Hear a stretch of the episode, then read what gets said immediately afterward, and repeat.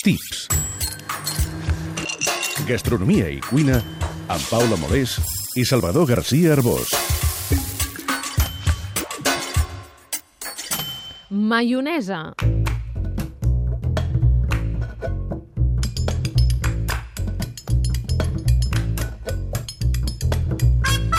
Pervertida, adulterada i versionada fins a l'infinit, la maionesa és una de les salses més universals. És present a totes les cultures, de les més populars a les més refifinades. Les trobem als lineals o supermercats d'arreu del món. Sí, sí, i admetem-ho, tothom té una marca preferida, sigui industrial o d'una marca gastropija. El més important és que cadascú té la seva recepta casolana. Jo sempre hi poso all, un granet com a mínim. I això no és allioli? Ho seria si no portés ou. Deixem-ho. Bé, d'altres consideren que no és maionesa si no porta mostassa i pebre. D'altres troben que l'oli d'oliva és massa fort i mata l'ou.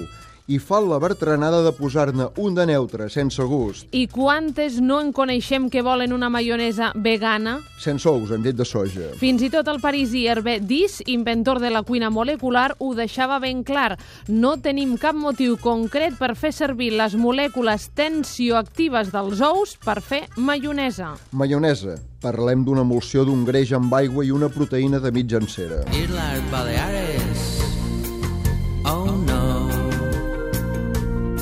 Islas Baleares. Oh yeah. Islas.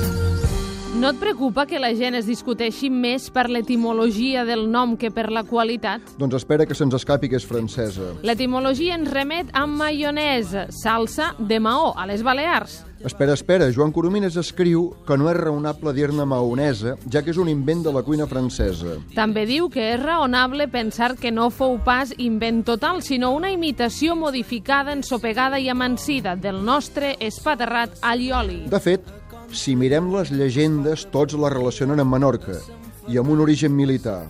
Els savis avalen que és en record de la conquesta d'aquesta vila de Menorca pel duc de Richelieu el 1756. I segons una altra tradició va ser inventada pel cuiner del duc de Crillon durant el setge del castell de Sant Felip, quan va veure que el seu amo assaboria com a menjar tan excel·lent les hortalisses de Menorca. Veus, veus? Sense maionesa ens quedaríem sense l'ensalada russa. Sense la maionesa desapareixeria una part enorme de la gastronomia universal Però potser ens hauríem estalviat el còctel de gambes. i alguns pinxos amb baguet de gasolinera i surimi, I no hauríem patit segons quines patates braves. ni algunes amanides d'espàrrecs blancs. Però no hauria nascut el carpaccio canònic, el veritable, en què la vedella es decora a la Kandinsky, amb una maionesa casolana feta amb un parell de culleradetes de perrin, suc de llimona i llet per fer-la més líquida. Tampoc no hauria nascut la salsa tàrtara feta amb rovell d'ou dur, ceba i cogombrets i tàperes. Potser no seríem res sense la maionesa, i si no la tinguéssim, l'hauríem d'inventar.